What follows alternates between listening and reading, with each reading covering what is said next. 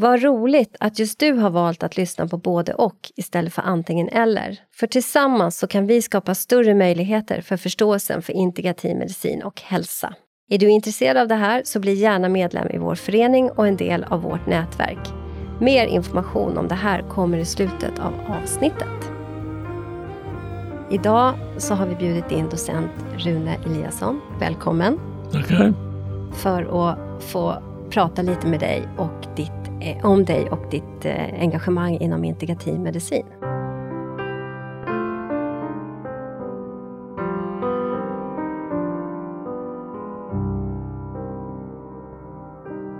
Jag tänkte börja med att eh, jag har ju fått en lång CV eh, om allt som du har gjort. Du är ju faktiskt hela 92 år i år. Men jag tänkte först börja med att fråga hur kom det sig att du ville bli läkare? Orsaken till den var att jag umgicks väldigt mycket med missionärspojkar. Och eh, samtidigt var jag också väldigt förtjust i en ung kvinna som inte var särskilt förtjust i mig, men jag var i henne. Och så råkade jag säga det att jag kanske ska bli missionär. Och, och då sa hon att då kan du glömma mig. Okej. Okay. Så då släppte du det? Ja. ja då la du missionärskarriären åt sidan. Den, den försvann. Var det hon som ville att du skulle bli läkare då? Ja. Aha. Ja, eh, hon, ville inte, hon hade inga synpunkter på det. Eh, men mitt alternativ mm. var att bli läkare. Okej. Okay. Så det var sprunget ur kärlek helt enkelt ja. till en kvinna så blev, du, blev det bestämt att du skulle bli läkare? Ja. Och, och sen då, vad hände sen? Ja, sen eh, studerade hon eh, till att bli eh, gymnastikdirektör i mm. Stockholm. Mm. Mm. och jag började en läkarkurs i Uppsala. och vi träffades av och till under två år. Sen så accepterade hon att gifta sig med mig. Ja. Så det din, var din fru? Var det det? Mm. Vad hette din fru? Ingrid. Ingrid. Så det var Ingrid som fick dig till att bli läkare? Ja. Men vad, det är ju fantastiskt. Mm. Vilken historia. Ja.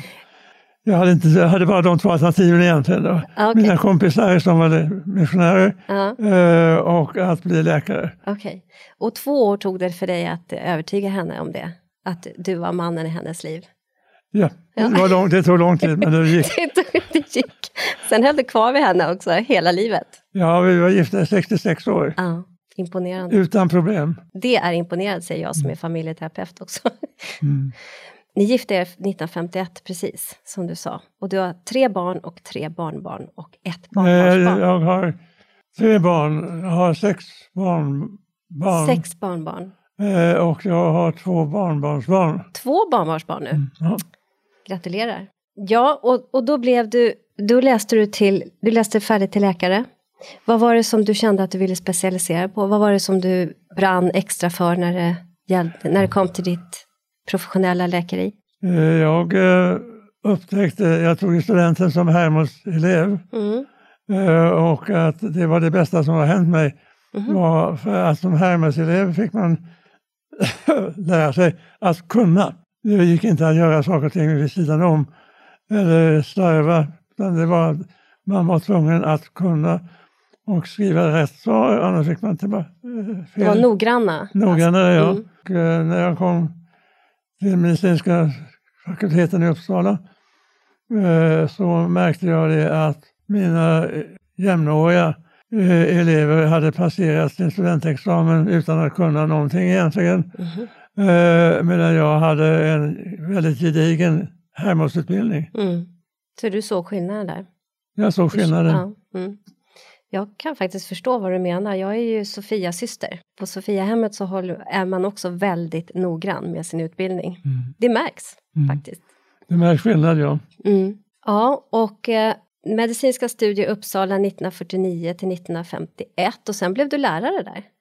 Eh, nej, alltså jag eh, blev då först och främst eh, elev på, inom fysiologi. Mm. Eh, och sen blev jag erbjuden att bli amanuens i Uppsala. När jag skulle sen eh, var det Ingrid i Stockholm och då ville jag flytta tillbaka till Stockholm. Mm. Eh, och eh, då eh, frågade jag min lärare i Uppsala vart jag skulle söka vända mig i Stockholm. Mm. Och då föreslog han Ulf von Euler eh, och det var honom jag valde. Och jag fick bra betyg av honom. Så jag fortsatte som elev, som lärare där. Mm. Okej. Och det började min lärarutbildning började där. Och han hade en regel. Om du tror att du har hittat någonting nytt och intressant är det din skyldighet att bevisa detta. Mm. Falsifiera helt enkelt. Ja. Det var på det sättet som jag eh, också sen gjorde min första stora uppfinning. Mm. Rätt och korrekta. Eh, för jag, hade, jag fick uppgift att fortsätta hans forskning på spermierna. Mm. Eh, och då upptäckte jag att om jag gjorde det annorlunda än vad professorn gjorde Mm. så bildades väldigt mycket mer prostaglandin som de hette på den tiden. det. Ja, på Had, det- får jag fråga, hade du bli, blivit andro, androlog? Nej, Nej, utan det här var ett intresse du hade för mannens fort, fortplantningssystem helt Ja, enkelt. ja. Med spermier. ja. Just det, för det, det blev ju faktiskt din specialitet. sen. ja just det. Och eh, då upptäckte jag att det som kallas för testosteron, Mm. eh, det ökade om man gjorde en viss förändring i framställningen. Mm. Eh, och eh, då visade det för von Euler och han sa grattis. Och eh, jag fick en publikation som då var den första som handlade om att det här var en ny, en ny uppfinning, Mm. en ny, ny forskningsresultat. Mm. Så småningom så blev det här då Nobelpris. Just, kan man säga att du blev snuvad på Nobelpriset? Eh, ja, jag blev aldrig erkänd av de, de som fick Nobelpriset.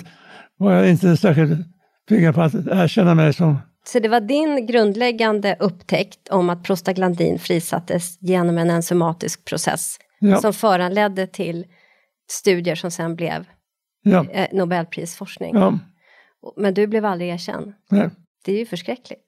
ja. Eh, men det är, inom forskningslivet så är det inte bara schyssta grejer. Nej. Den akademiska världen kan vara, Men jag, det var jag som upptäckte det det var du som upptäckte. det, det räcker för mig. Ja. Jo, så kan det ju vara. Men eh, det, kan också vara det där med att få upprättelse, att också bli erkänd för dem. Ja, det var väldigt många som skrev till mig och sa att varför är du inte nämnd? Mm. Eh, och det var, fick vara min tillfredsställelse. Ja. Men du fortsatte sen och, och, och sen blev du också medicinsk konsult åt läkemedelsföretaget Pharmacia AB. Eh, ja, då hade jag redan varit en av deras konsulter eh, under, de hade frågat mig om jag kunde bli konsult på Pharmacia. Och jag var då som åkte upp till dem en gång i veckan eh, och eh, tyck, tyckte till om saker och ting. Eh, och sen erbjöd de mig en tjänst. Fast du var en sån som kom dit och tyckte till. Ja, Så erbjöd de dig en tjänst. Eller kanske tack vare. ja alltså jag, jag, jag åkte dit för att då och då tycka till Mm, om saker. mm. Eh, och så erbjöd de en tjänst som medicinsk chef. Så den tackade Eh, du ja till. alldeles efter jag hade disputerat så Mm. hade jag redan en tjänst på Pharmacia. När, din disputation, vad, vad var det som du disputerade på?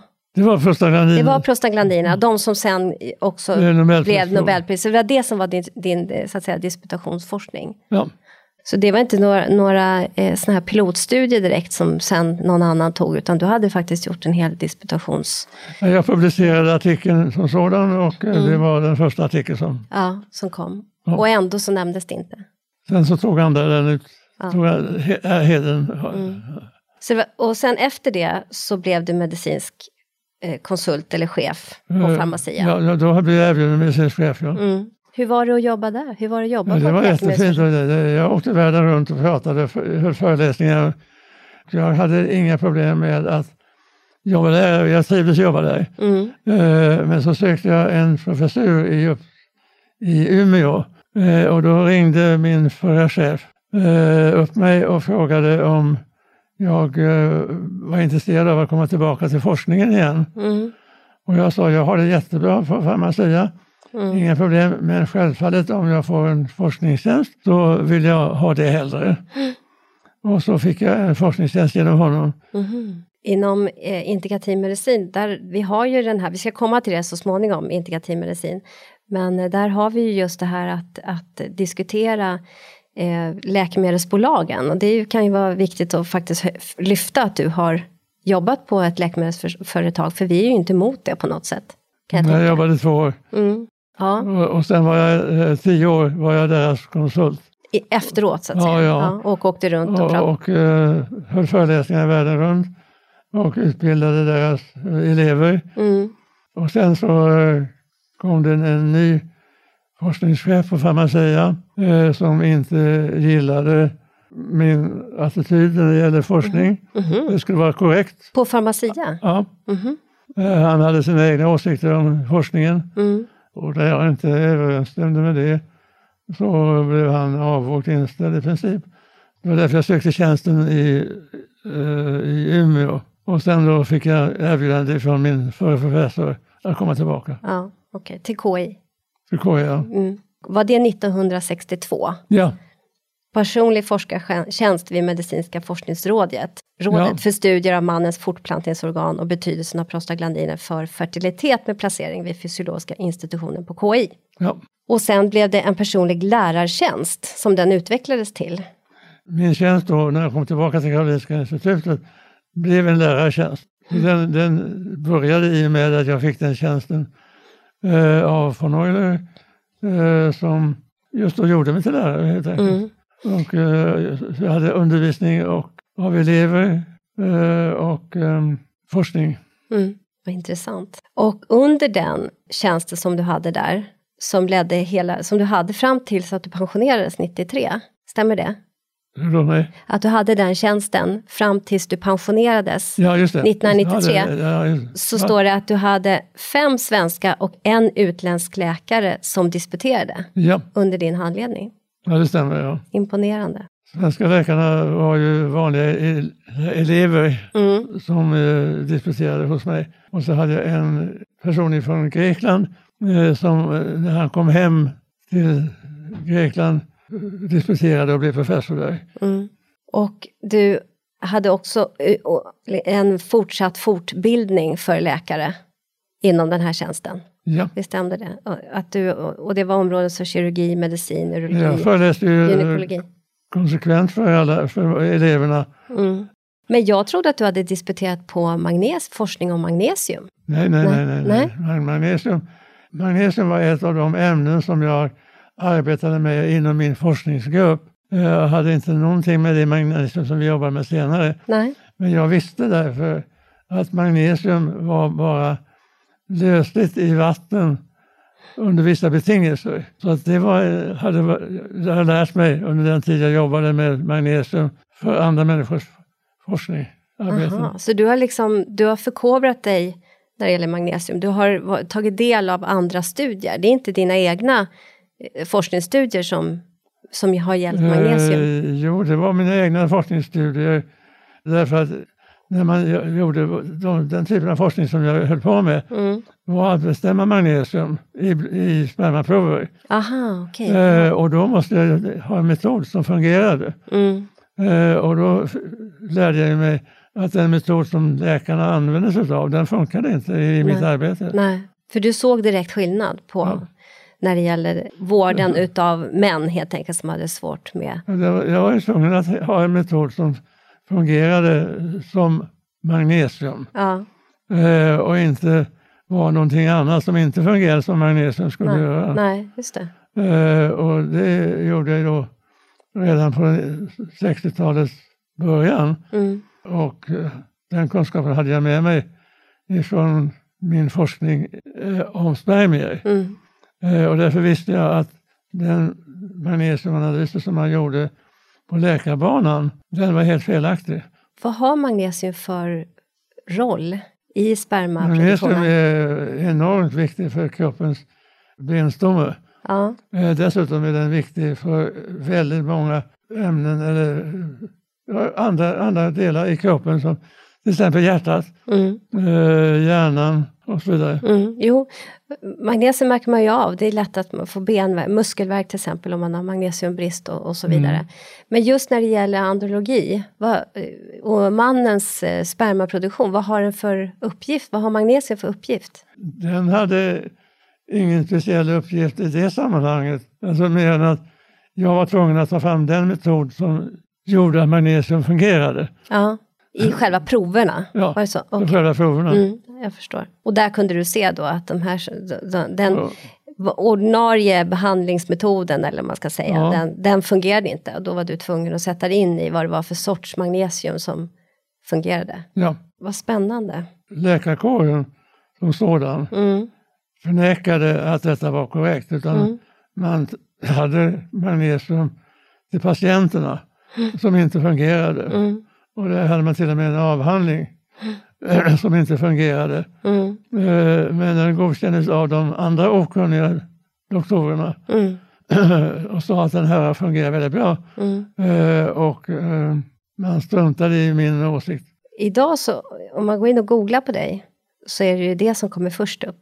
Mm. Rune Eliasson och magnesium. Du har ju skrivit väldigt mycket och du har föreläst och, och så om just magnesiumets betydelse och hur det, hur det blir för oss när vi har magnesiumbrister med hjärtats påverkan och så vidare. Men det lämnar ju svenska läkarkåren helt utan Mm. betydelse. Mm. Därför att man inbillar sig att om man ger det magnesium som läkarna ger, då ska det fungera därför läkarna gör det. Mm, precis.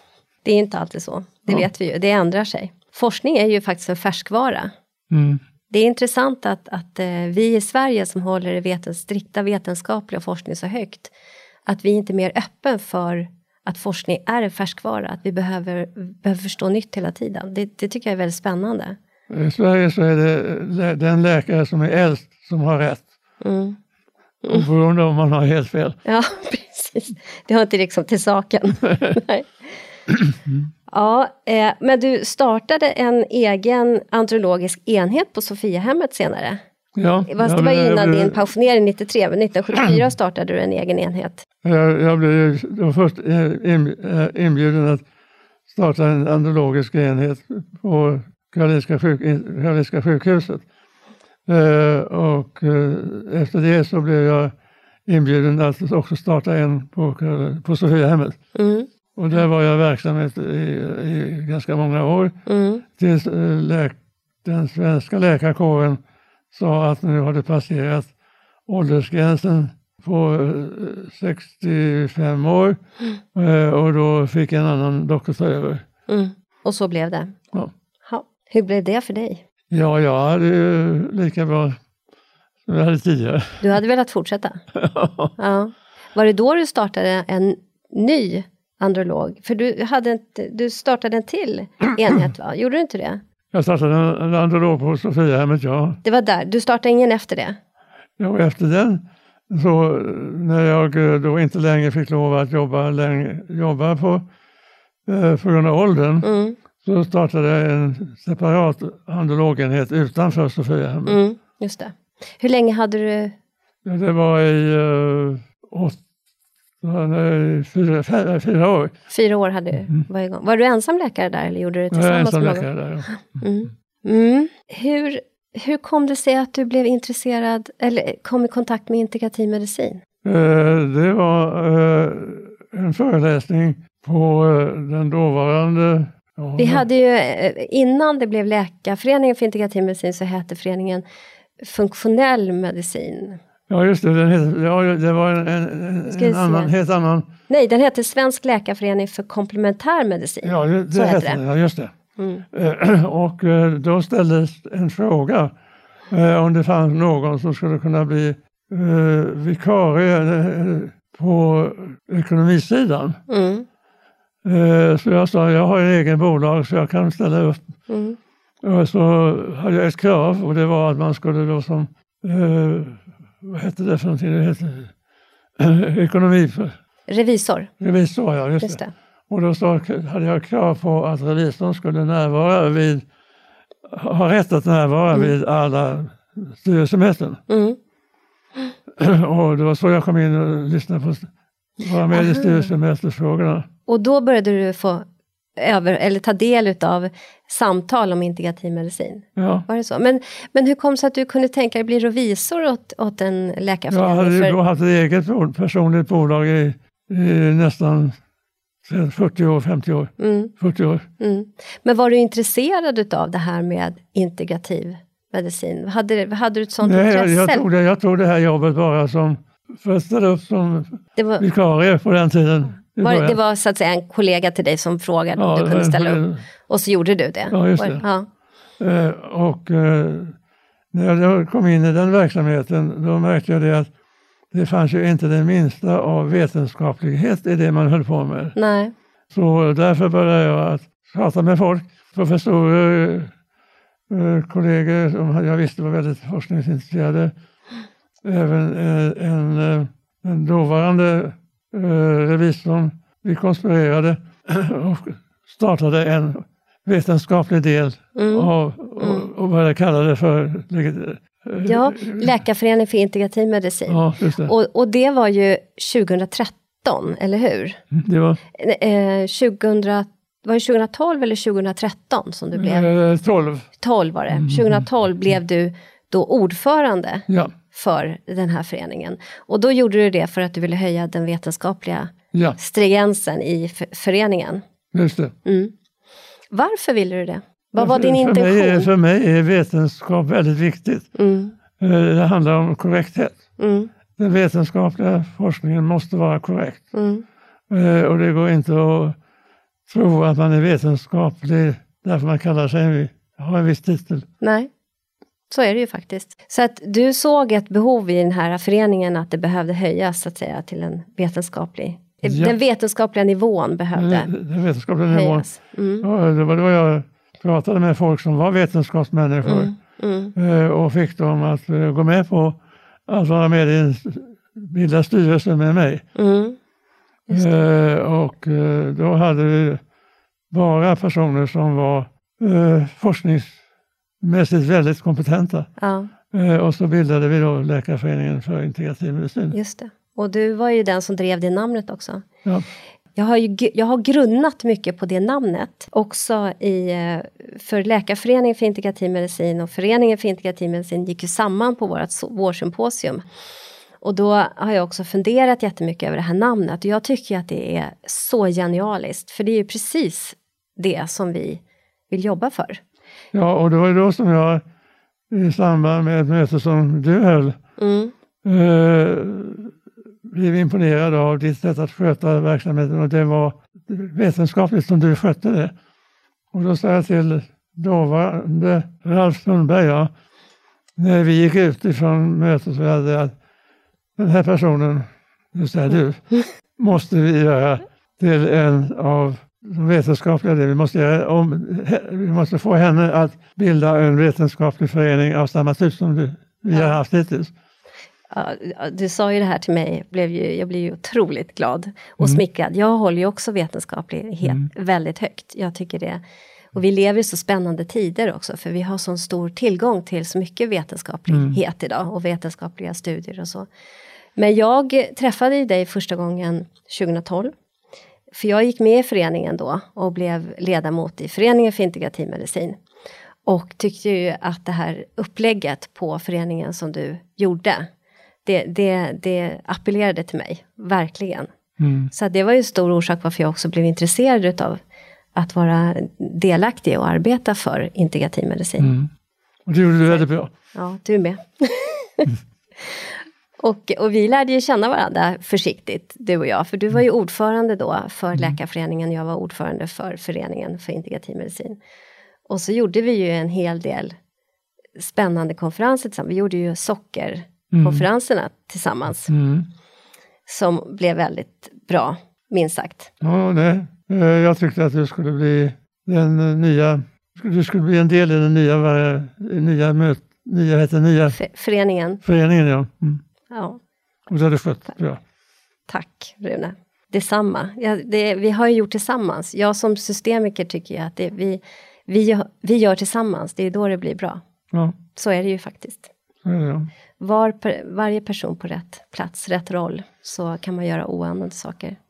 Om man bara tillämpar vetenskapliga principer och gör det ihop så blir det bra. Ja, så är det faktiskt. Mm. Ja, och eh, så, så det, var din, det var så du kom in inom integrativ medicin? Ja. Det var ju verkligen helt ovärderligt, för det blir ju lätt så att det blir uppdelat mellan, så som vi har i vårt samhälle egentligen, att det finns en, en del som är strikt naturvetenskapligt och sen så tappar man bort det humanvetenskapliga, det samhällsvetenskapliga. I alla fall så som jag vill, jag vill att man får ihop de här vetenskapligheterna. Mm. Genom, som vi har gjort då med paneldialoger, mm. vi tar in personer från olika perspektiv och gärna polariteter som får prata med varandra och så. Mm. Ja. Nej, alltså, det fanns ju ingen vetenskaplighet i, det, i de föreläsningar som hölls före vår tid. Nej, men det har varit sen efter det. Ja. ja, så är det ju. Hur tänker du kring integrativ medicins framtid i Sverige? Vad tror du om det? Ja, nu när vi har fått en, eh, en, eh, lite klarare belysning av vad det handlar om. Mm. Eh, med... Eh, komplementär eh, KAM-utredningen tänker du på? Ja. Kjell Asplund? Asplunds utredningar, mm. just det. Eh, så har ju han förstått att det här har ett värde, har ett värde i sig. Ja.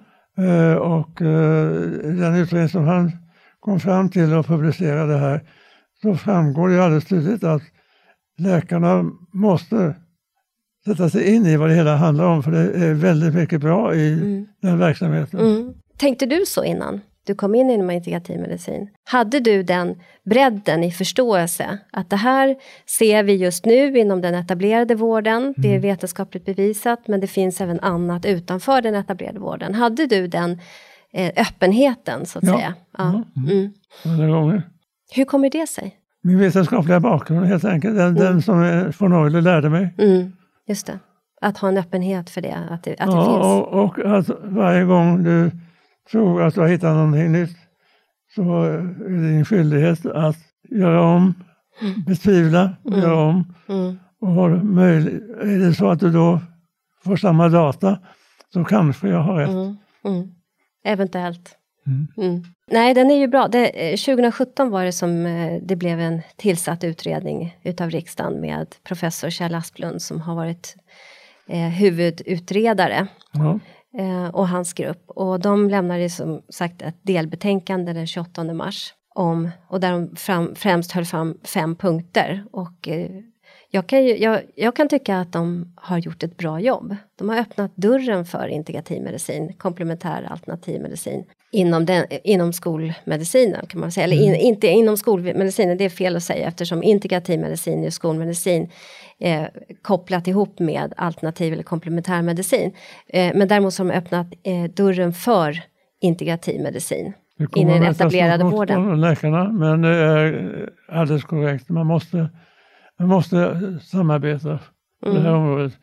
Det finns så mycket inom integrativ medicin som är väldigt mycket bättre än den standardmedicinen som man mm, har. Mm.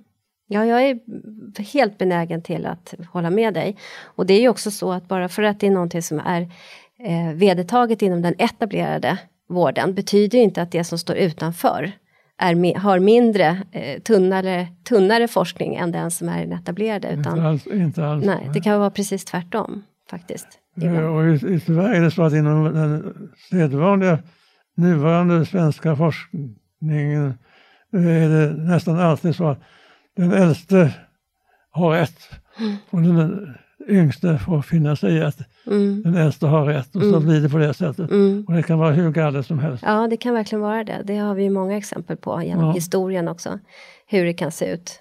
Eh, och det är ju det här med att forskning är en färskvara, att man måste också tillåta sig att de nya som kommer in kan ha helt mycket öppnare ögon än om man har varit inne där. Vi, vi, bara den psykologiska kognitiva biasen som, man, mm. som vi fastnar i mm. väldigt lätt. Alla människor egentligen. Och där har ju våra myndigheter det problemet att de litar på den dåliga medicinen mm. Eh, och kräver att alla ska följa den, det som är felaktigt. Mm. Eh, även om det, de själva sen har fel. Mm. Det har jag fått lära mig ganska hårdhänt. Ja, verkligen. Och där har du också varit med ditt mod och ditt rättspatos en väldigt stor hjälp till mm. kollegor. Du har ju faktiskt varit inblandad i sju olika rättsfall där du har ställt upp för dina kollegor som har blivit eh, falskt anklagade. Mm. Och med hot om Felaktigt att... anklagade, ja. Ja, felaktigt anklagade och med hot om att legitimationen ska dras in.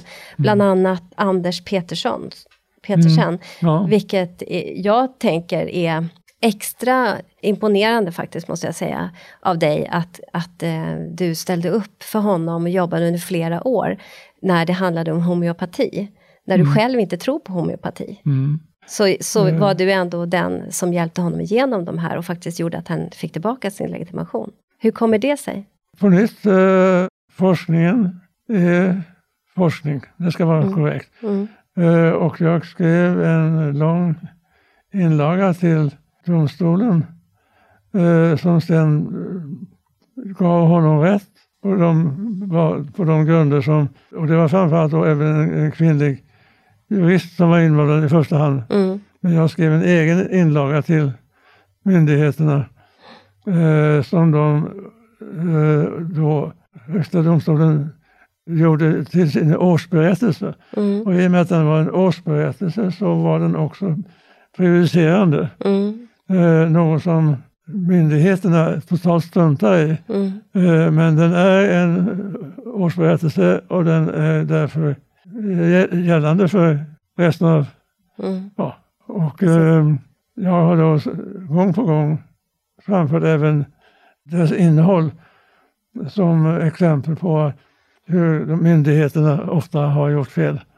Och där, där, just när det gällde Anders så, så, så att säga fick ni ju rätt så att han fick behålla eh, sin Han legitimation. fick behålla, ja, han Och fick blev- behålla sin. Ja. Eh, och, och, eh, men det, och det, dels fick han ju behålla sin titel eh, och jobba med det. Och, eh, men som var ännu viktigare tycker jag det var att den gjordes till en prejudicerad, ja. prejudicerad dom.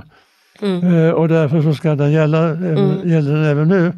Någonting som myndigheterna totalt struntar i. Mm. Men jag tänker, jag är ändå lite nyfiken på det här med att du, du hjälpte honom med ett enormt engagemang. Eh, och han, han hade ju blivit, fått sin legitimation. Var det så att han fick den indragen för att han hade använt en parallell behandling utav eh, sina patienter i form av homeopati? Han hade ju gett dem sedvanlig behandling men han hade också lagt till homeopatisk behandling. Mm. Och så blev han anmäld för det. Och så drog de in hans legitimation. Mm. Var det så? Och sen så hjälpte du honom så att han fick tillbaka den helt enkelt, sin legitimation. Jag tänker att du har sagt tidigare att du tror inte på det här med homeopati. Mm. Men det var det han hade använt sig utav. Mm. Och du gick ändå in och hjälpte honom. Ja. Och homeopatin säger man har inte så mycket forskning på sig, på, på fötterna. Nej, men han, hade, ju, han hade nämligen använt sig av både sedvanlig terapi och homeopati. Mm.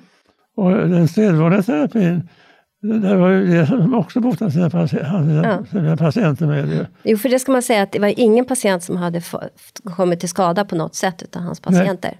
Inte någon faktiskt. Det är viktigt att säga. Ja, han hade använt sedvanlig behandling och så hade han använt också homeopati. Ja. Så att, hur tänkte du? Ingen, ingen patient hade kommit till skada. Nej.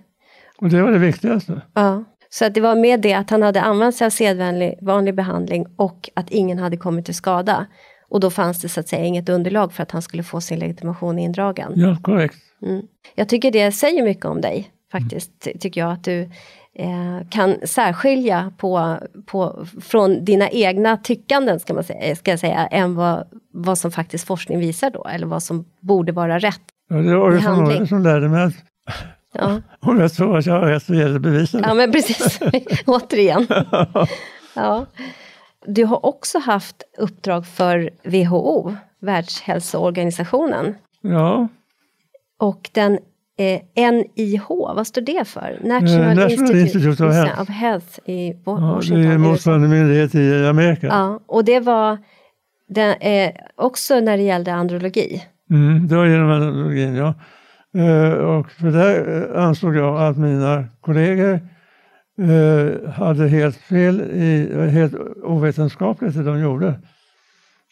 Därför att en, en av de äldsta personerna inom den dåvarande andrologin, han var en, han var den som startade andrologin i Amerika. Eh, och man ansåg att det han sa, det var korrekt. Mm. Eh, Det var bara det att han hade alldeles fel. Bara, bara den lilla detaljen. ja. ja. Eh, eh, och därför så ville alla att man skulle följa hans regler. Och han och jag var väldigt goda vänner och eh, jag hjälpte honom med sätta på honom glasögonen när de ramlade av honom med jämna mellanrum och så vidare. Varje gång jag var i Amerika så träffades vi och hade trevligt ihop. Eh, Men han hade alldeles totalt fel när det gällde andrologin. Mm. Eh, och, eh, det stred vi om. Men de som då ville följa hans idéer var, fick också, gjorde ju också fel. Mm. Så att man kan inte göra fel saker på rätt sätt, det går inte. Men mina kollegor då eh, kunde inte vika från det som han hade lärt dem. Mm. Och tyvärr, många av dem var professorer eh, och eh, vad professorerna då tyckte på felaktigt sätt. Eh, det blev standard i, i, i den stora världen. Men jag fick det som jag skrev om, det godkändes sen av WHO Mm. och, och sen även amerikanska myndigheterna också. Mm. Eh, men eh, fortfarande tror jag att de gör fel i Sverige.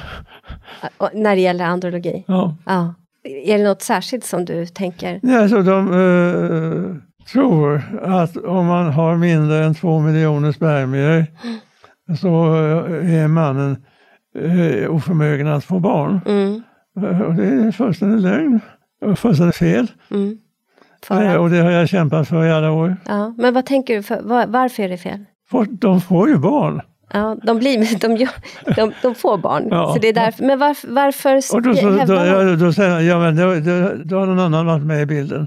Ja, på riktigt? Ja, ja, ja men på riktigt. Ja, ja, men, Säger man? åh, jag, har hört- ja, jag har hört det så många gånger.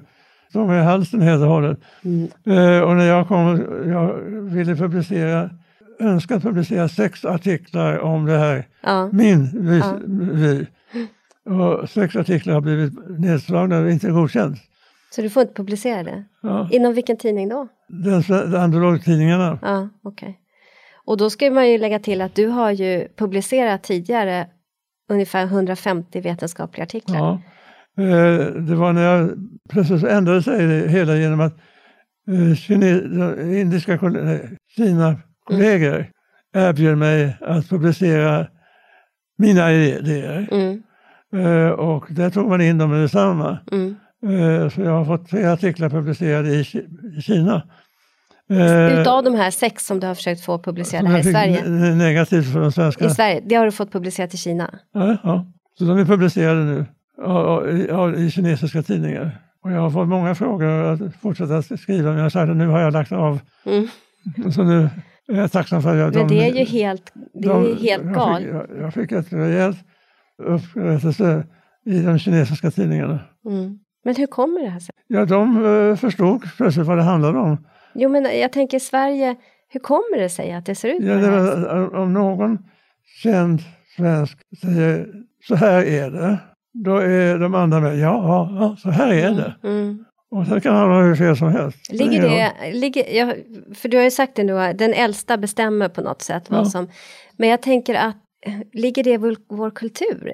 Eller varför blir det så här? ligger det i kulturen. Ja, för det blir, det, Sverige är ju liksom väl... När, när, föreläsare, när vi tar in föreläsare inom integrativ medicin utomlands ifrån så säger de att Sverige är, är liksom exceptionellt när det gäller det här. Det- Att man följer riktlinjer, man, gör, man, man följer gruppen liksom så. Mer än att man... eh, Om man tror vågar- att myndigheterna har rätt och säger myndigheten att det ska vara så här, så ska det vara så här och ingenting annat. Och allting annat är fel. Eh, Det kan inte bli mera fel. Och det, och, men det som är, blir rätt allvarligt när det gäller det, det är ju att vi alla som är legitimerade, vi har ju skyldighet inom hälso och sjukvårdslagen att själva med jämna mellanrum sitta ner vid en databas och söka på de, det senaste vetenskapliga studier som har publicerats inom det område vi Ja. arbetar inom. Det vill säga, då, då, då kan vi inte ställa oss till gruppen, utan vi måste ju på individnivå stä- sätta oss ner och titta vad som har kommit. Och det, det är ju otroligt mycket forskning som kommer, så det är ju i vissa områden nästan ogörligt men vi är ändå tvungna att sätta oss ner och titta på vad som har kommit för att hålla oss själva uppdaterade. Mm. Och inte så att säga bli bjudna på andras bias för vilka vetenskapliga rapporter som man ska läsa. Och, Mm. inte. och ändå görs det här hela tiden, det vet ju vi. Mm. Ehm, speciellt våra myndigheter är väldigt bundna till vad enstaka icke kunniga personer säger. Och då kommer vi tillbaka till den här KAM-utredningen som har varit. För, för en av eh, delbetänkandets punkter är ju att Kjell Asplund och hans grupp föreslår att det ska finnas en obunden portal som ska kunna eh, så att säga eh, erhålla kunskap om komplementära alternativa behandlingsmetoder Mm. och kunna bjuda folket på den informationen. Eh, och då föreslår man Socialstyrelsen. Vad tänker du om det? Socialstyrelsen eh, vill inte följa några andra regler än det de själva har lärt sig eh, eller tror sig kunna. Eh, ibland de okunniga.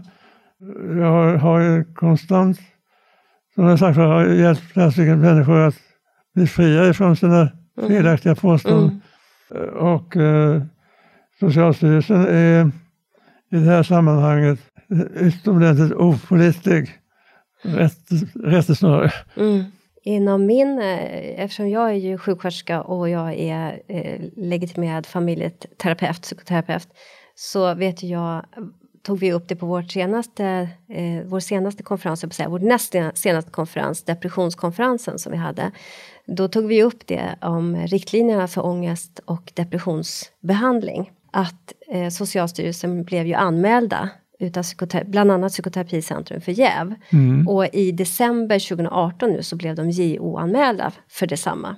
Mm. Och för bara någon månad sedan så blev de JO-anmälda för att de har valt att tolka, och nu har jag inte det uppdaterat för mig, men tolka en lagtext där de anser att de har rätt att inte längre publicera statistik för vissa läkemedel. Och det är de också JO-anmälda för nu. Mm. Det är ju bekymmersamt. Det är mycket bekymmersamt. Hur kommer det sig då att Kjell Asplund och hans utredningsgrupp väljer Socialstyrelsen och tror att de kan vara den här obundna portalen? De saknar förmåga att tänka logiskt. På vilket sätt? Det är, eh, ju så uppenbart att vissa saker som de, till exempel när det gäller hur man ska behandla, om vi tar till eh, problem där kvinnor har problem med speciella enzymer, Mm. eh, så är det, det enzymet inte godkänt av läkare, av Socialstyrelsen, eh, så är det felaktigt att behandla på det sättet som den läkaren gör. Mm. Eh, trots att han har nöjda patienter. Mm. Det är ointressant att han har nöjda patienter, för det är enligt Socialstyrelsen fel. Mm. Precis, och det, det som Psykoterapicentrum gjorde det var ju att de tog det här med ångest och depressionsriktlinjerna för det tog ju de eh, till kammarrätten, hela vägen till kammarrätten och kammarrätten fastslog att vi behöver inte följa riktlinjer. Det är inte ett vetenskapligt dokument utan det är skrivet för makthavare för vilka tjänster som ska köpas in för den etablerade vården. Men vi som legitimerade måste inte följa riktlinjerna. Däremot så måste vi ju ha forskningsunderlag då på vetenskaplighet på det. Ja, det ska du få. Forskningsunderlag, vetenskapligt underlag för det vi gör. Mm. Men vi behöver inte följa riktlinjerna därför att det inte är ett vetenskapligt dokument. Det har de fastslagit. Och, Eh, Den måste jag få läsa ordentligt. För att Mm. eh, Det är just det problemet som jag är inne i. Är att, eh, den ska bli intressant att läsa. Den är väldigt intressant att Ja. läsa. Den, den ligger på Psykoterapicentrums hemsida. Alla deras, alla, he- hela, hela processen ligger där. Eh, Den är väldigt Mm, intressant. nej, den måste jag läsa. Ja. Ja, Mm. det tycker jag verkligen. Men- jag, jag håller med dig, det är väldigt bekymmersamt eh, med det här med Socialstyrelsen på det sättet. Faktiskt. Mm. Vad mer kan vi säga om Kjell Asplunds ut... Nu har de bara gett ett delbetänkande. Slutbetänkandet kommer ju här förmodligen om några veckor. Men eh, vad tänker du mer om, om deras utredning? Den har öppnat dörren för integrativ medicin till den Ja, etablerade den är, ju den är ju väldigt välskriven och den är, i och med att det är så mycket olika tänkanden, eh, där olika tänkanden kan vara korrekta, Mm, eh, så är det ju vansinnigt att förbjuda sakerna. Mm. Prova. Mm. Blir patienten frisk så är det det som är viktigast. Ja, och beforska det mer. Ge mer medel till att göra vetenskapliga studier på, an, eh, på andra behandlingsmetoder. Ja, ja. Eller hur? Det är helt galet. Alltså. Mm. Alltså, Vi måste få bort det här med att myndigheten bestämmer. Det måste vara fakta som gör det och patienten blir friska Mm. eller inte friska. Men hur skulle det se ut då i ett samhälle? Hur skulle vi kunna organisera det, ser du? Så att inte det blir sånt här um, förmynderi från myndigheter.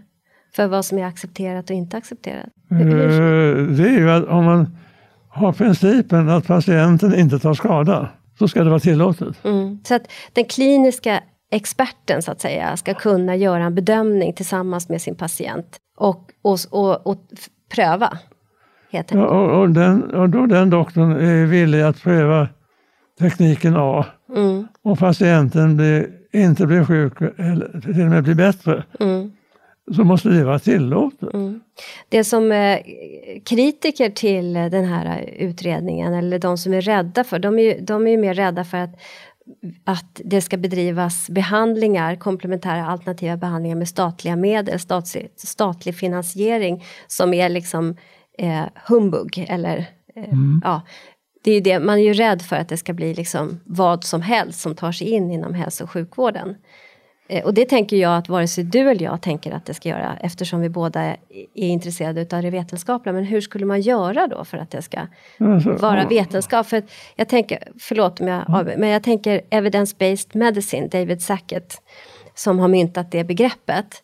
Där eh, en evidensbaserad vård står på tre ben. Eh, Det är den kliniska experten, det är patientens preferens och sen är det då en evidensbaserad metod. Skulle man kunna använda sig av det? Att det finns, ett, det finns ju fler evidensbaserade metoder, vetenskapligt grundade metoder som inte är inom den etablerade vården. Som en läkare eller en, i mitt fall då en psykoterapeut till exempel, kan göra en bedömning av att det är den här metoden som vi behöver pröva, eller kan vi pröva. Eller patienten kommer och säger att jag är nyfiken på det här. Jag har läst om det här. Jag tycker den här eh, domen eh, som eh, kom efter, Var det Källaflod? ja just det, Ja. Mm. Eh, den, eh, där står det ju alldeles tydligt Mm. att om patienten inte har lidit skada så ska han inte anmälas, inte, Mm. inte straffas. Nej. Det, är, det, är, det viktigaste är ju att patienten har inte skada. Ja, du tänker på, på Anders Petersen? Ja, Petersen, Ja, just det. ja, Petersen, precis. Ja, Ja, den, det. är, den domen är ju en, en dom som är, ska ge- vara hjält, Ja, som är prejudicerande. Prejudicerande. Ja. Eh, och därför är det mycket enkelt. Har patienten inte blivit skadad så ska han heller inte straffas. Nej. Eller det vederbörande straffas. Mm. Det är mycket enkelt. Ja. Precis. Men, och det struntar alltså myndigheten i. Mm. Och jag tänker också att det är mycket i New Public Management. Där vi hela tiden tänker vinstdrivande, där vi ska få fram de mest effektiva, kostnadseffektiva metoderna. Och där, där kan vi liksom kolla bort oss bland andra som har sin egen bias för vilka metoder det ska vara. Exempelvis. Ja. Kan man tänk, tänka så, att man tappar bort andra, andra viktiga parametrar? Som att analysera eller som du har lärt mig att man, man ska ha vid varje ny patient så ska det vara anamnes med stort A, en lång, lång anamnes för att man ska kunna göra en, en vettig analys av patientens utgångsläge Självfallet. till exempel. Och då tänker jag att det, det faller bort inom New Public Management. Där ska det vara 10 minuters bedömningar och man håller sig till manual och så vidare. Det, den komplexiteten för levande system försvinner. Eller hur? Ja, alla gånger. Ja. Alla gånger. För det är ju ett komplext sammanhang som vi, när vi har att göra med människor. Det är inte som industri, något industriellt framställt utan det är Jag införde ju i, när jag hade mina patienter om- som kom från barnlöshet. Då hade jag en, en 300 frågor till mina patienter. mm, Vad de hade haft för Ja, sjukdomar och liknande. exakt. Det var ju som Peter Martin sa på vårsymposiumet. Mm, Han har 300 frågor mm, till sina patienter innan de ens har kommit på första besöket. mm. Mm. Och jag som psykoterapeut, jag anser att jag sitter och har anamnes, jag har en jätte, kanske månaders lång anamnes för att förstå Mm. vad patienten behöver för hjälp. Och det är enda sättet, tänker Ja. jag. Samforska patienten själv. Det är att man- får vad, vad har patienten för grund att komma Mm. Eh, och ställer mängder av frågor om detta. Och då får man en bild av vad patienten har för grundproblem. Mm. I alla fall, jag tänker att integrativ medicin är ju, integ- är, är, är ju absolut inte alternativ medicin utan det är integrativ medicin där vi helt enkelt kommer från olika perspektiv. Det är tvärprofessionellt och tvärvetenskapligt. Och, och vi har ju valt några teman som inom FIM i alla fall som vi eh, definierar integrativ medicin som psykologisk behandling, somatiskt och psykiatriskt om eh, medicin, omhändertagande, eh, psykologisk behandling, nutrition och fysisk aktivitet samt det existentiella Mm. som integrativt. Och där inom alla de områden så finns det ju vetenskapliga metoder, självklart. Och olika kunskapsförståelser. Och det är det som blir att vi behöver sätta oss ner och tvärvetenskapligt, tvärprofessionellt försöka förstå en patient, speciellt där det är komplexa tillstånd. Som vid kroniska sjukdom, sjukdomstillstånd till exempel. Du har, varit, du har ju blivit hedersledamot tidigare, det var det jag skulle komma till, att du har ju blivit hedersledamot inom integrativ medicin. Mm. Och du är ju hedersled, hedersmedlem i The British Society for Andrology, säger man så? Mm. Mm. Där är du hedersmedlem. När blev du det? Det var så många år sedan. Ja. nu blev du det i våran förening i alla fall. Ja, det är de här andra, de, de hade mycket att göra med mina skriverier i, eh, inom WHO. Ja, ja, tidskrifter. Så Så, så fick jag ett antal utländska hedersledamöter titlar också. Ja. Och så blev du det nu i helgen på, inom våran förening. Mm. Och det har vi ju pratat om ganska länge kan jag ju säga. Bakom din rygg har vi pratat om att du ska bli det. För att du har gjort ett sånt fantastiskt arbete med integrativ medicin. Mm. och lyft den vetenskapliga stringenten och gjort ett gediget arbete. Och bara det här med att vi filmar allting, för vi filmar ju faktiskt alla våra föreläsningar. Och det är också ett, eh, vi- idag när vi har problem med eh, al, vad heter det, alternativ fakta, alternative facts, där människor kan klippa och klistra och få för, gå ut och säga att vi har sagt X, Y, Z som inte stämmer överhuvudtaget, så är ju det faktiskt ett ett genialiskt säkerhetstänk att vi filmar ju allt från det att vi öppnar dörrarna för våra konferenser tills vi stänger dörrarna. För att dels folkbilda, sprida men också att säkerställa så att det inte blir sådana konsekvenser sen efteråt. Och det har vi klarat oss väldigt bra på. Mm. Det är verkligen viktiga saker. Ja, det är väldigt viktigt. Idag är det väldigt viktigt. Är det någonting annat som du tänker att, att jag skulle ha frågat dig om som jag inte har frågat dig om? Nej, Men jag tycker vi har ganska noga diskuterat de saker som är viktiga. Ja. Vad Mm. tror du om integrativ medicin i Sverige? Vad tror du kommer hända? Hur kommer det bli? Det kommer att ta lång tid Mm. innan det eh, verkligen blir accepterat av doktorerna Mm. som är rädda för systemets eh, krav och det är bundna av det de tror är korrekt vad den äldre personen har sagt Mm. eller vad någon annan har sagt som har en viss position. Eh, säger att så här ska det vara. Och det tyvärr är latheten i att försöka förstå vad det handlar om på riktigt uttalad i Sverige. Är det lathet eller är det tidsbrist? Att man är försatt i ett system, ett ekorr... Tid- Tidsbrist tror jag inte ett ögonblick på. Nej. Eh, utan jag tror att det är, det är en form av lathet helt enkelt. Mm. Det är enklast att tycka som han eller Ja, hon. ja. Man går ju skolan och så får man lära sig. Eh, Det var som Tore Persson sa till mig vid en middag, överläkare Tore Persson. Han, han sa att jag var 40 år när jag satte mig i skolbänken för att läsa till läkare. Då hade jag med mig en jättemassa erfarenhet som gjorde att jag bara lät, jag, jag sorterade den informationen jag fick lära mig. Och jag tänker så här, när det kommer ganska unga människor in på de här linjerna, så de, har, de, de lär sig ju det som blir dem serverat, så att säga. Sen måste man ut och jobba och börja få egna erfarenheter och, och eh, göra analyser och sätta ihop två plus två blir kanske inte alltid fyra utan fem eller sex till och med och, så, och så vidare. Och undersöka och falsifiera och tänka till och så vidare. Och det tar ju tid. Och har vi ett system där vi också jobbar som 17 i stress, då använder vi oss inte heller alltid utav de reflekterande delarna utav hjärnan, utan vi är ju hela tiden i lösnings, lösningsfokuserat tillstånd. Kan det ha att göra med det här också? Att vi har ett sånt stressat samhälle, att vi hamnar i loopar utav att helt enkelt inte vara förmögna att reflektera hela vägen? Nej, jag tror att eh, vissa människor är på det sättet helt enkelt. Eh, jag har ett brev hemma på fyra sidor eh, där en professor förnekar att eh, de handlar fel. Eh, trots att hon har gjort fel på bara det enkla felet att ska man ge vitamin D mm. så måste man ha en fett. fett. Mm. Man måste ge det med fett tillsammans med fett. Med fett ja. Ja. Och, och, och det förnekar hon. Att det existerar inte. Va? Och, och Men det vet lika, man att det är ett fett? Nej, och, och, vi är lika duktiga som du på det här. Ja. Men att D-vitamin är ett fettlösligt vitamin? Ja, men alltså, det... nej, hon förnekar det helt enkelt att det är så. Och jag har fyra sidor på det pappret. Eh, hennes förnekande av det här. Men det är ju jättemärkligt mm. hur man kan göra det. Det är ju oerhört gammal kunskap. Mm. Jag hade nyligen en, en patient, det var en, de som kom och städade hemma. Uh, och så, de fick höra jag var läkare och sa kan du tala om för mig varför jag har så ont i mina leder?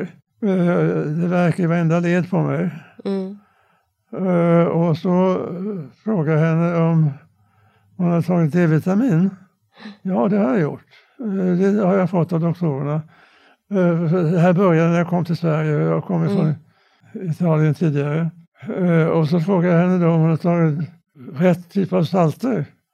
Mm. Nej, det hade hon inte gjort. Så gav jag henne det. Jag gav mm. henne salten med sig hem. Mm. Och hon kom tillbaka efter en månad och sa att jag är helt frisk. Och hon kom tillbaka och var jättelycklig. Jag var helt, helt. Och då sa det att har du berättat det för dina kompisar? Nej, det törs jag inte göra för då kan doktorn bli arg på mig. Mm. För det är ju ett stort problem som också Kjell Aspen tar upp, att människor blir förhånade och ifrågasatta och mm. behandlade utav oftast läkare faktiskt, är ju inom vården, när man mm. säger att man har tagit andra behandlingar mm. eller kosttillskott. Och, så. och det där kan jag tänka med, med så här gammal kunskap om magnesium, det finns ju många som förskriver mm. magnesium mm. om du har eh, vad heter det, restless legs eller om du har ja, muskelvärk eller växtverk mm. eller vad det kan vara, så kan du få magnesium. Och det gör man ju, men, men, att, men man vidhåller ändå att det inte spelar någon roll vad man äter i praktiken. Mm. Hur kommer, alltså det är så här kunskapslucka som jag, ja, för, jag förstår kunskap, inte. Hur, enorma kunskapsluckor. Och, det, och jag tänker det är ju ändå intelligenta människor som sitter och som har klarat sig igenom ganska avancerade studier och så vidare. Mm. Och så kan man inte göra så gör man inte den kopplingen att kosten faktiskt har en sån stor betydelse. För det, det vet vi ju att det är på det sättet. Mm. Att vi, ja, men om vi inte äter C-vitamin då får vi skörbjugg till exempel och så, mm. och så vidare. Mm.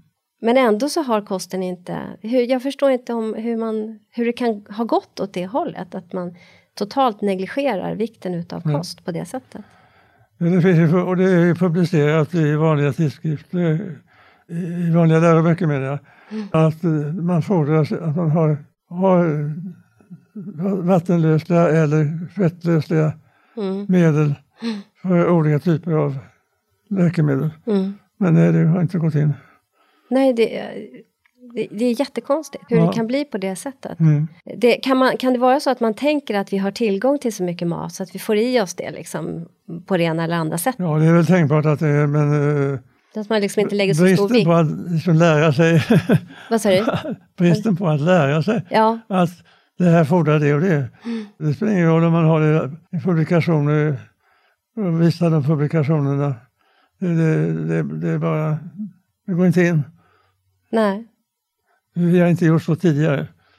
Nej, precis. Fast man gör ju så kallad off-label när det gäller massor med medicinering. Ja. Så, och då går man ju ifrån de riktlinjer som finns. Kan man inte göra det då när det gäller, alltså tänka mer flexibelt när det gäller kost? Att det, det kan vara, så. Ja. Nej, och det är ju oerhört märkligt faktiskt mm. att, det, att det kan bli på det viset. Nu kommer det ju också väldigt mycket forskning kring mikrofloran i tarmen, mikrobiomet mm. i tarmen. Mm. Eh, som också vi, att vi inte alltid tar upp heller. Om vi äter någonting som vi inte tål eller vi har en inflammatorisk process eller på, på, så, så tar vi ju inte heller upp mm. näringsämnen. Mm. Och då kan vi få olika obalanser utifrån det. Mm. Så det, kommer, det är väldigt spännande tider men det är svårt att få ihop de här världarna. Väldigt svårt. Den här podden som vi sitter i nu, det är ju en, ett sånt initiativ eh, som, som vi har tagit för att vi ska kunna sitta i sådana här samtal och försöka förstå mm. eh, och få ihop polariteter. För det är ändå en av våra intentioner med integrativ medicin är ju att få ihop de polariteter utav, i hälso och sjukvården och alternativ och Väldigt viktigt att, att folk kan läsa själva. Det är väldigt viktigt. Ja. Det, det, är absolut väldigt viktigt. Mm. Men sen också att kunna lyssna på det här sättet med, mm. mellan olika människor som har olika kunskaper och få ihop de här världarna. För det är ju också, vi hade ju en... Ja, vi hade ju en föreläsning, Ingmar Ernberg, som pratade ju om där man gjorde ett replikat på Nobelprisforskning. Mm. Mm. Om Dr. Warburgs, eller man gjorde ett replikat på Dr. Warburgs Nobelprisforskning från 1932. Mm. Där man kunde, man kunde inte härleda hans forskning om pH, men däremot om socker. Mm. Och jag, jag tänker, jag har alldeles nyligen en väninna som har blivit sjuk i cancer. Och hon eh, berättar för mig att när hon är på Radiumhemmet så står det ta gärna en kaka till. Eh, drick gärna sötade juicer. Det gör ingenting att du dricker läsk. Och godis kan du gå ner och köpa. Och så vidare. När man har gjort ett replikat på Nobelprisforskning om hur skadligt sockret är för, mm. cancer, cancer, eh, för cancerdrabbade människor. I samma byggnad i praktiken. Mm. Hur kommer det sig? Ja. Det är ofattbart. Mm. Verkligen. Det är ofattbart när de i praktiken samma hus och så har man ändå inte, för det, menar, det är ju replikat på Nobelprisforskning, det är ju inte vilket replikat som helst utan det är på, på, ett, Nobel, på ett Nobelpris. Mm. Och ändå så vare sig fanns det några svarta rubriker i tidningarna om det eller att det så att säga appliceras in i den etablerade vården. Mm. Ja, det är obegripligt men det är tyvärr en av verkligheterna. Ja, så är det. Jag vill också passa på att fråga dig eh, om du vill rekommendera oss någon annan gäst som du tycker att vi ska bjuda hit för ett sånt här samtal. Då, eh, Ralf. Ralf Sundberg, ja. ord, ord, före detta ordförande ja. för eh, Läkarföreningen för integrativ medicin. Ja, det är de som föreläser, som har våra egna föreläsare. Eh, och eh, tandläkarna borde vi ha med i bilden. De tycker att jag ska, de som vi hade, Alzheimers, ja. parodontit och utveckling av Alzheimers. Ja. Men i den, här typen av verksamhet? Ja, tandläkare överlag tänker ja, du? Att man bjuder in tandläkarna? Ja. Just det. Kan du berätta varför du tänker så? Jag tycker att det de berättade om hur, viktigt tänderna är för hela kroppen. Mm. Det vet inte folk alltid om. Va? Nej. För man kör med mat som inte är nyttig för tänderna. Jag tappade en tand själv här nu alldeles nyligen. Mm. Den gick bara av. Mm. Tandläkaren som jag har som en duktig tandläkare, lärare i tandläkeri. Eh, ja, men sa han, äter man godis så får man skylla sig själv. Gör du det? Äter du godis? jag har gjort det. Rune? jag har gjort det. jag hade gjort det för mycket. Har du ätit för mycket godis? Ja, ja du ser, då ja. tappar man tänderna. Ja. Jag, mina, båda mina föräldrar är min pappa är ju avliden och mm. han var tandläkare och min mamma är tandläkare. Sen har hon eh, skolat om sig. Så jag är uppvuxen med hur viktigt tänderna är. Ja. Men jag ska säga det att i alla fall min pappa var en riktig sockerrotta. Mm. Trots att han var tandläkare. Men jag lärde mig att borsta tänderna väldigt noggrant. Ja, nu borstar jag tänderna väldigt ordentligt för att behålla de tänder jag har. Ja, precis.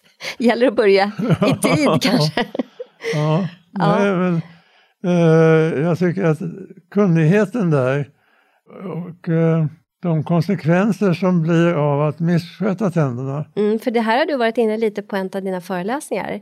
I mm. relation, vad jag kommer ihåg så sa du att, att det, män med, med eh, dålig tandstatus eller en sämre tandstatus har, har svårare att få barn.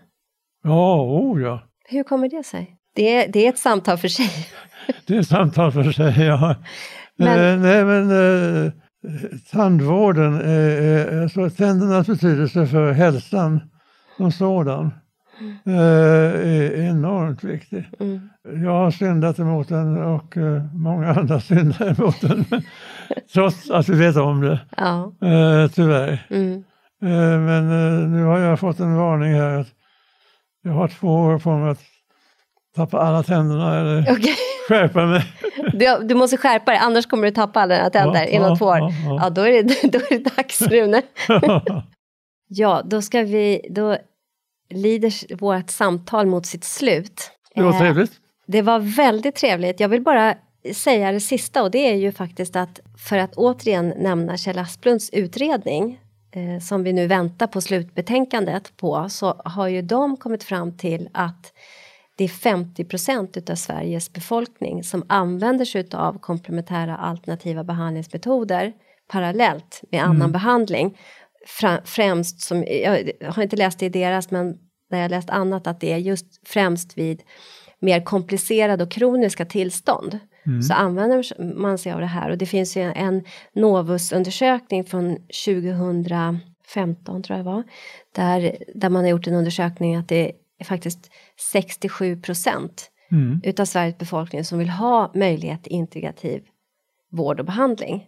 Och sen så eh, hade de kollat att det var 76 procent utav Sveriges kvinnor som vill ha det.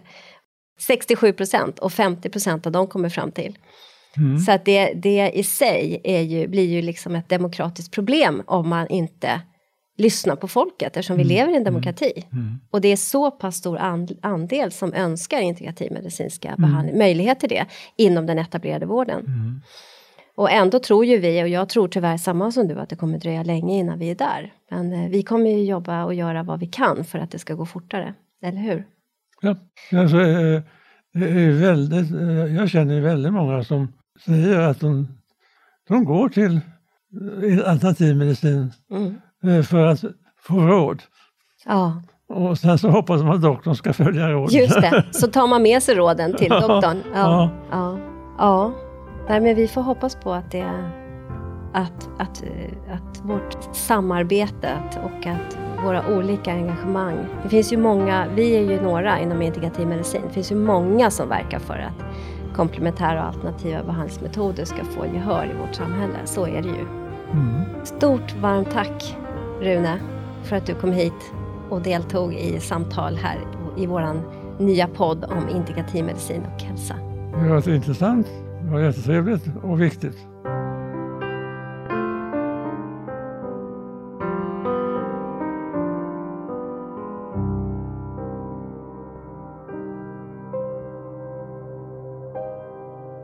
Både och istället för antingen eller en podd om integrativ medicin och hälsa är skapad och drivs av Svensk förening för integrativ medicin och hälsa, FIM. FIM är ursprungligen en yrkesförening för legitimerad vårdpersonal. Vi representerar sjuksköterskor, dietister, fysioterapeuter, läkare, psykoterapeuter, psykologer, tandläkare för att nämna några. Idag omfattas våra medlemmar även av associerade medlemmar som inte behöver vara legitimerade. Föreningens arbete vilar mot den vetenskapliga grund för integrativ medicin och hälsa som finns, såväl svensk som internationell och på systemisk förståelse av människan i sin miljö. Vår förenings arbetssätt har hittills varit att arrangera konferenser, seminarier och folkbilda genom att sprida information, exempelvis via sociala medier. Vår strävan inom integrativ medicin är att vara en organisation som vågar lyfta och ifrågasätta, motverka polariseringar genom tvärvetenskapliga dialoger och sokratiska samtalsregler. Vi vill kartlägga forskning som bedrivs även internationellt och hålla koll på aktuella forskningsresultat om behandlingsmetoder, både vad det gäller den etablerade vården liksom den vård som bedrivs utanför den etablerade vården. Sokratiska samtalsregler innefattas i den sokratiska samtalsformen som egentligen all grundläggande kunskap är sprungen ur, men som ibland till och med lyser med sin frånvaro i dagens public service. Så bli gärna medlem hos oss, för tillsammans kan vi förändra. Och hur du blir medlem hittar du via vår hemsida integrativ-medicin.se. Vi ses och hörs i nästa avsnitt.